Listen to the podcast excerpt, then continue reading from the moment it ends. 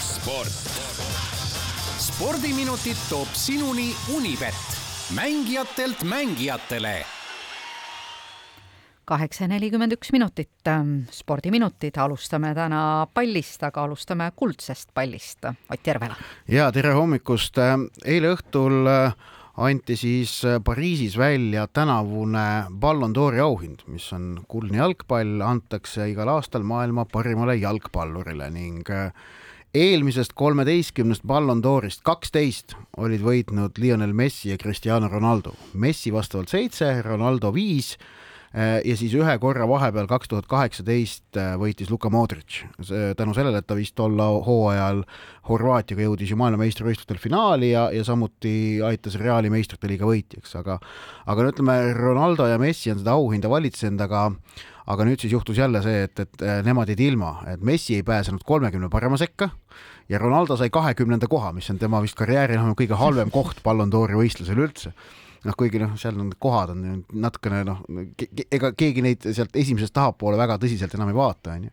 Karim Benzema on, on nüüd uus maailma parim valitsev jalgpallur, järgmised aasta aega on auhind tema, tema päralt ja. esimene prantslane, jah ei ole viies prantslane. no seal on ikka, meil on Raimond Kopa on võitnud selle. Jean-Pierre Papin on võitnud selle, Zinedine Zidane on võitnud selle ja ühe prantslase ma unustan praegu, ah, Michel Platini on võitnud selle ära mm.. et, et ei, viies prantslane ikka ja, et see, eh, see, see auhind on nüüd, on nüüd tema jagu ja järgnesid talle siis Sadio Mane ja Kevin De Bruyne, eh, kes, kusjuures esimest korda nüüd Ballon d'Or anti välja eelmise hooaja põhjal, siiamaani olid alati, et anti aasta lõpus välja ja aastanumbri põhjal, mis tekitas natukene segadust. et, et kas siis eelmise nii-öelda hooaja sügise saavutused lähevad arvesse, ei lähe arvesse, aga nüüd on konkreetselt hooaja põhjal. ehk et äh, kaks tuhat kakskümmend kaks Ballon d'Ori võitja oli siis hooaja kaks tuhat kakskümmend üks, kakskümmend kaks põhjal.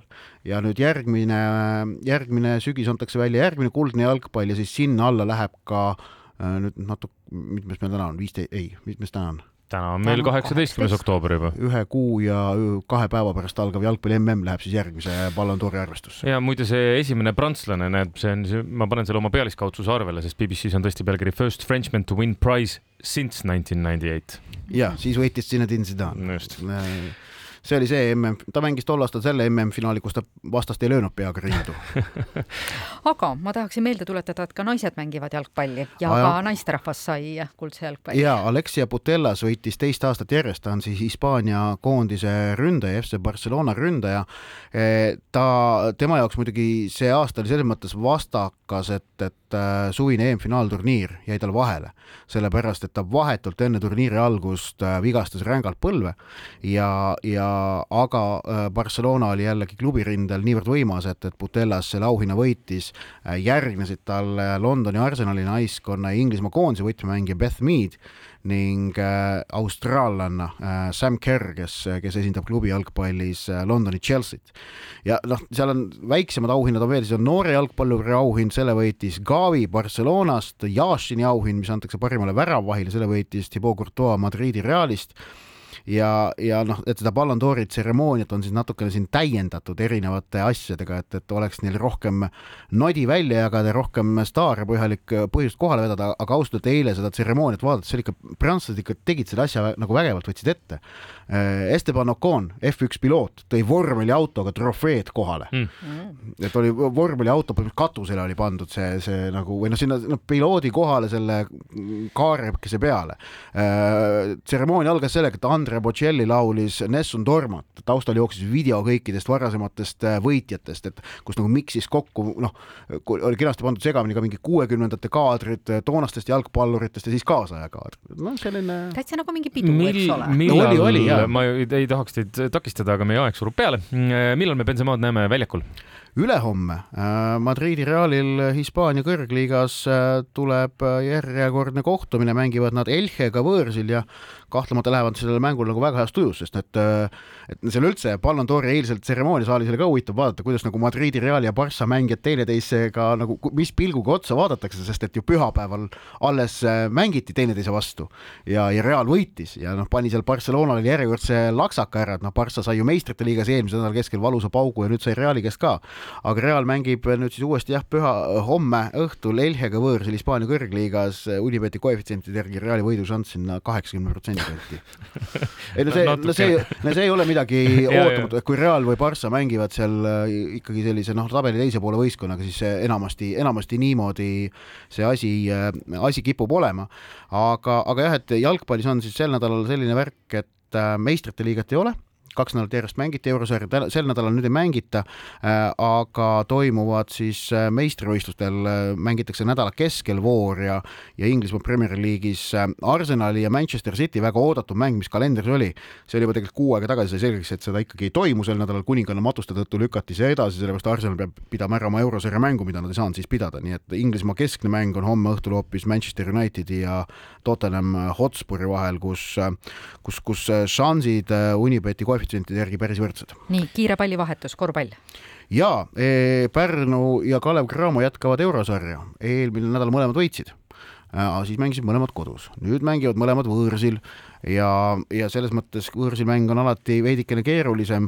Äh, Pärnul vastas ähm, Hollandi klubi Den Boši Heroes ning Kalev Cramo mängib võõrsil Kiievi Budivelnikuga, Ukraina klubiga, aga seal siis tuleb märkida, et see mäng ei toimu Ukrainas, vaid äh, Budivelnik oma eurosarja kohtumised peab äh, Itaalias nii et need, need, need, need mängud on homme ees ootamas, noh, Kalevil äh, siin nädalavahetusel said Viimsi käest koduliigas sugeda, nii et äh, koduliiga on väga põnevalt alanud. on, on, noh, et kui Keila võidab Tartut ja Viimsi võidab, äh, võidab Kalev Cramot, siis, siis see on olnud väga äge algus ja sellised üllatused tulevad sellele kodusele korvpalliliigale kahtlemata väga-väga kasuks. ma ise vaatasin ka seda Viimsi Kalev Cramo mängu, no oli äge vaadata. Hmm.. et, et noh, kuidas väike hakkas ja hakkas kägistama ja kägistaski lõpuks ära selle suure, et, et see on selle spordi ikkagi võlu.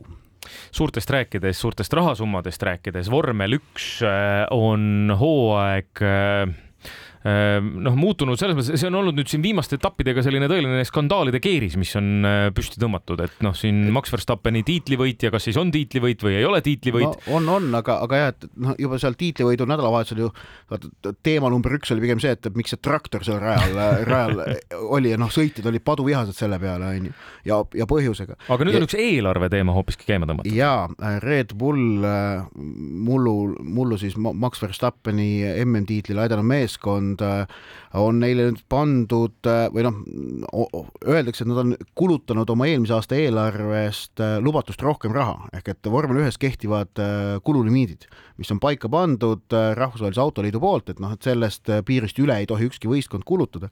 ja räägitakse üle kuni viis protsenti ja, ja vist seitse pool miljonit dollarit, mis tõesti on noh, vormel üks vormel ühes riik, liikuvate rahasummade juures on see üpris vähe, aga samas, kui paned selle teistpidi, et noh, vormel ühes ringi aegu mõõdetakse tuhandiksekunditega, siis viis protsenti või see on, on seal kalender et, et see on põhjus, miks seal nagu väga tõsiseks või noh, tuliseks on need äh, läinud, et kantseliitlik võitlus käib, et siin McLareni meeskonna boss Zac Brown saatis sellise äh, noh, väga teravas toonis kirja, mis täiesti kogemata muidugi meediasse lekkis ka, eks ole, onju, nii nagu asjad käivad. kogemata. kogemata jah, jäid lifti nagu, nagu meil Eestis see klassika on, onju. Äh, et seal on, läheb huvitavaks kabinetivõitluseks, eks näis, kas ja mis sanktsioonid sealt kellelegi järgnema hakkavad. igal juhul suur üllatus, et sel alal raha loetakse. ja ei, ei noh, jah, nii ja naa on ju et äh, raha on seal palju, aga seda osatakse lugeda ka, ma olen mm -hmm. kuulnud, et see pidavat omavahel seotud olema, et see, kes Aa. oskab lugeda, sellel sageli on ka rohkem. loeme raha juba reedel edasi, eks ole, Ott? jaa.